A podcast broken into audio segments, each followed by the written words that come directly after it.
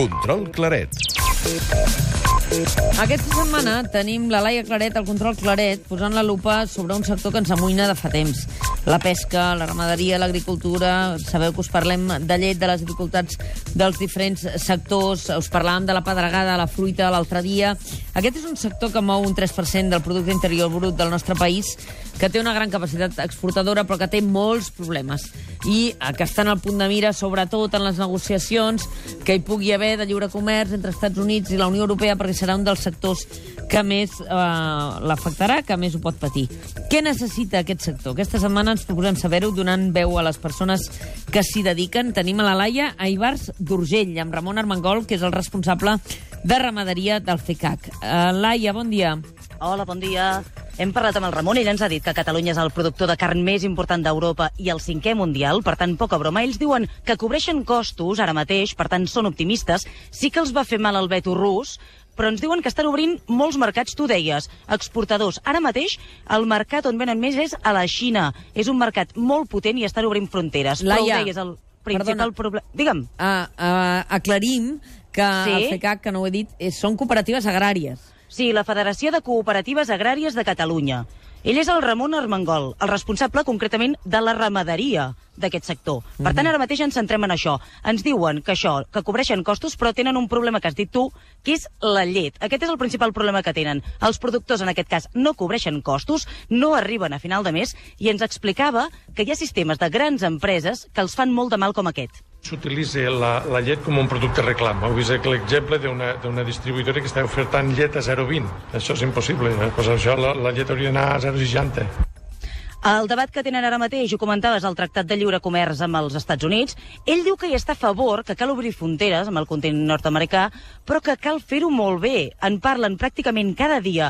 Diu que la por que tenen és aquesta. El gran pastís del negoci no està amb les pomes o amb les peres, sinó que diguin, mire, tu deixa'm portar pomes sense arancels, però jo et deixaré licitar per fer carreteres i et deixaré licitar doncs, per tindre doncs, concessions d'autopistes amb les mateixes condicions que una empresa nord-americana o canadenca. Això és el que ha sota aquí. I que no siguin els productes alimentaris moneda de canvi. Això és el gran interrogant que tenim sobre aquests acords. Sobretot ens ho deia, eh? no volem ser la moneda de canvi. Això pel que fa al sector ramader, i ara ens n'anem cap al picat. El segrià, ho deies, ha fet mal la pedregada al sector de la fruita. Ara parlarem amb un agricultor del sector de la fruita que ens deia que li estan pagant el préssec a 15 cèntims al quilo i hauria de cobrar-lo per cobrir costos, eh? A 45 com a mínim. Demà on serem? Perquè d'aquesta qüestió en continuarem parlant tota la setmana fins divendres. Sí, demà anirem cap a Berga amb un productor que s'ha reconvertit, Sí. ha obert una masia perquè ell també té agricultura i ramaderia, dijous pesca i divendres tindrem una taula amb la consellera, la Federació de Cooperatives i també Unió de Pagesos. Per tant, en parlarem aquí a l'estudi. O sigui que, si us dediqueu a aquest sector, etiqueta al Twitter Control Claret. Per tant, eh, envieu-nos els vostres comentaris, les Sí. dificultats que teniu, sigui, siguin petits o grans, eh? Els que siguin, sí, sí. Els, eh, els eh, recollirem al matí i els traslladarem a la consellera, que per cert ens està repiulant, eh? A Twitter, Meritxell Serret, sí, sí. D'acord. Magnífic. Laia Claret, Ara, control adéu. aquesta setmana sobre el sector que n'anomenem primari. En definitiva, a què volem dir? Doncs l'agricultura, la ramaderia i la pesca. El matí de Catalunya Ràdio. Amb Mònica Terribas.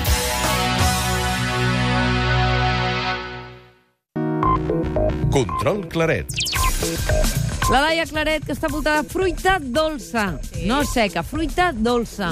Fa mesos que sentim que el sector de la llet no cobreix costos, que els pescadors de peix blau estan passant malament, però a l'inici d'aquesta setmana vam dir alerta amb la pedregada que ha caigut sobre la fruita. On ets, Laia? Hola, bon dia. Estic envoltadíssima de fruita en un lloc privilegiat. Soc al Picat, al Segrià. Oh. Uh, sí, sí, és preciós, això. Aquí l'aire és més fresquet, eh, que a Barcelona, però fa un sol, Mònica, un dia perfecte. Mm. Soc a un dels camps de fruita que té en Josep Cabré. Josep, bon dia.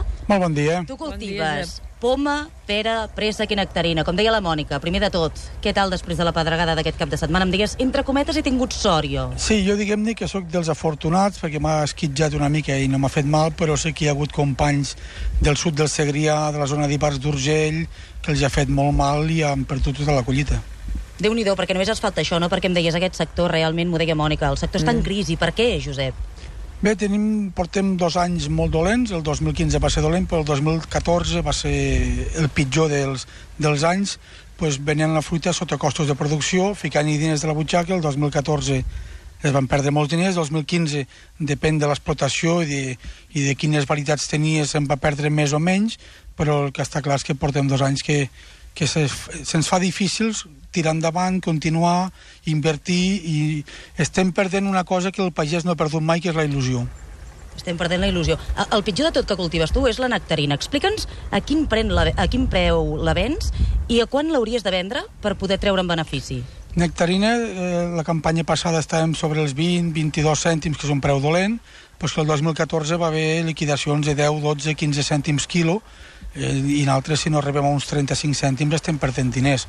I, per tant, la situació és greu, és complicada, i, i fiquem tot l'esforç i la il·lusió possible, però davant d'aquests preus que venen marcats per, per, per l'abús de posició dominant eh, doncs que fa la gran distribució, perquè nosaltres som la part més feble de la cadena alimentària, doncs no, no podrem aguantar molt temps més. Aquestes distribuïdores, grans distribuïdores, que nosaltres, m'ho deies, no? abans entrem a un supermercat, a vegades, i veiem allò, poma golden, oferta baratíssima, aquest reclam. Una altra gran cadena es copia aquest reclam. Darrere d'aquests cartells de grans supermercats, de poma golden baratíssima, hi ha un pagès que no guanya diners, que hi perd diners en aquest cas? Sí, cada oferta que fa un supermercat dels nostres productes, que és una oferta mm, simplement per a atraure clients. Mm, no és un mercat transparent, és un mercat eh, publicitari que el, el que volen atraure clients fiquen una oferta molt bona perquè entris a la seva botiga i després eh, els diners els guanyen amb altres, Compris altres productes, amb sí. altres productes que ens trobem en, en el cas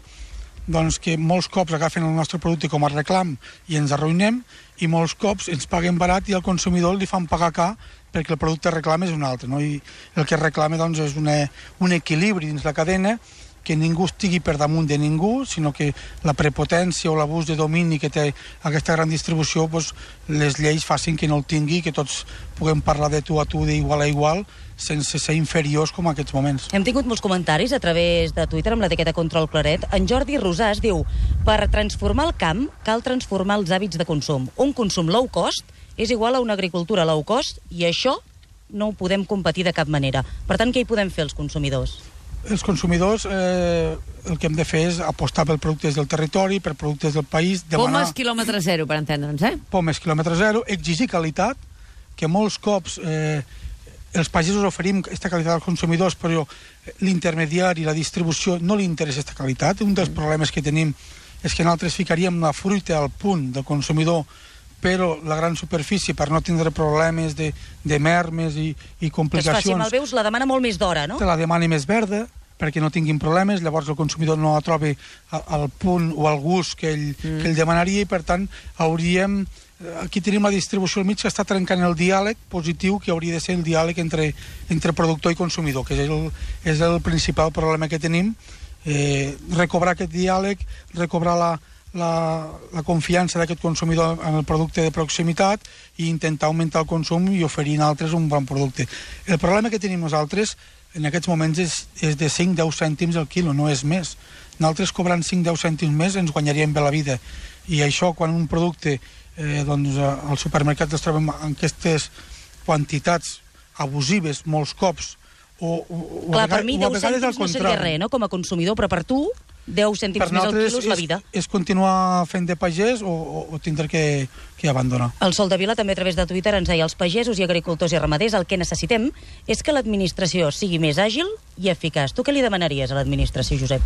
eficàcia, que quan hi ha una crisi de preus s'hi fiqui, que es fiqui a controlar aquestes, que pari els peus en aquesta distribució, que activi mesures que Europa ha ficat per situacions de, de crisi i veiem l'administració molt desencantada. L'administració de Madrid està absent totalment, vull dir, no, mm.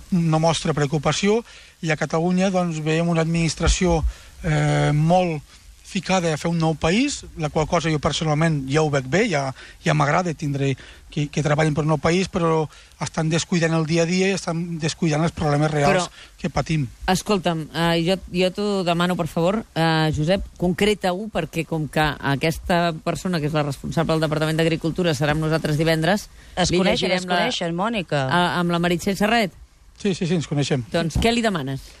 Perquè Doncs- ella ens pugui contestar.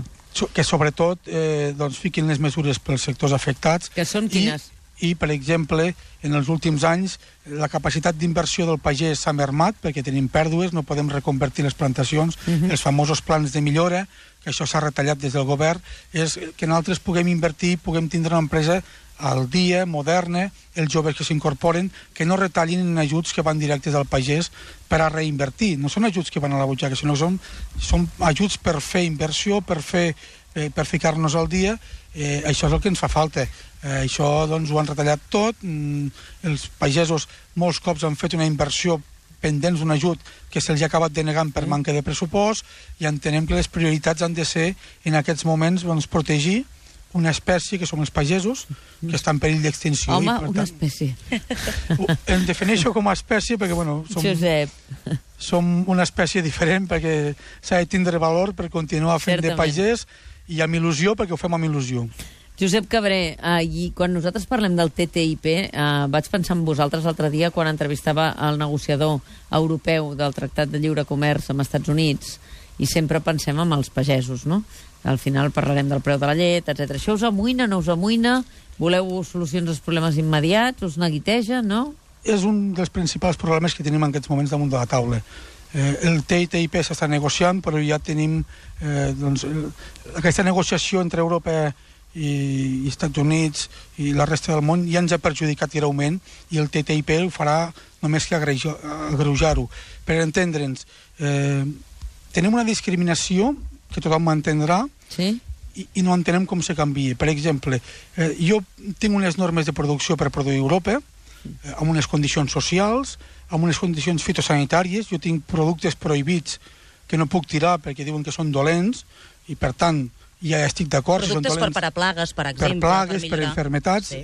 Jo ja estic d'acord que no els pugui tirar si tan dolents són, però el que no entenc és que el meu producte jo no pugui produir així i en canvi Europa permeti que eh, vingui fruita, vedella de la resta del món eh, amb aquests productes i es vengui d'una forma legal perquè amb l'excusa que al país amb origen això és, és, és autoritzat. És a dir, els productors europeus tenim una sèrie de normatives que la fruita que ve de fora no l'ha de complir. Uh -huh. I això el TTIP ho agreujarà. I em deies que no volíeu ser moneda de canvi. De canvi de què? M'ho explicaves abans. La sensació que tenim així a peu de pagès, a peu de carrer, és que eh, Europa negocia eh, exportar tecnologia en aquests països més subdesenvolupats, exportar, i aquí hi hauria eh, el mercadeig mu- mundial de les grans multinacionals, exporten, i la moneda de canvi és que, bueno, eh, què els hi deixarem portar amb ells? Pues els deixem portar fruita, productes a- agroalimentaris a qualsevol preu, produïts de qualsevol manera, i no ficarem traves perquè alguna concessió o altra Haurem els hem de fer. fer en aquests països. I, per tant, això eh, ens perjudica perquè aquí volem treballar fent qualitat, volem eh, que el consumidor estigui segur, tranquil, volem respectar el medi, però que ens ve de fora, les condicions de producció no són les mateixes que les nostres i a nivell de costos és impossible competir amb aquestes produccions que ens ven de fora. És a dir, Europa ens obliga a produir d'una certa forma, que ja hi estem d'acord, si ho hem de fer així, però que no ens protegeix quan ens fan la competència deslleial altres produccions que ens venen de, quedat- de països forans. Claríssim, Josep Cabré. Moltíssimes gràcies. Li traslladarem a la taula d'anàlisi que farem aquest divendres sobre aquesta qüestió. Laia Claret, magnífic control Claret. Gràcies. Adéu, bon dia. Porta unes pomes del picat. Oh, boníssimes, va. I, I no et banyis a les basses. Prepareu... Ja no. Ah, no, no, això no, que fa fred, fa fred aquí, de veritat, l'aire és fred. Fins ara. Fins ara.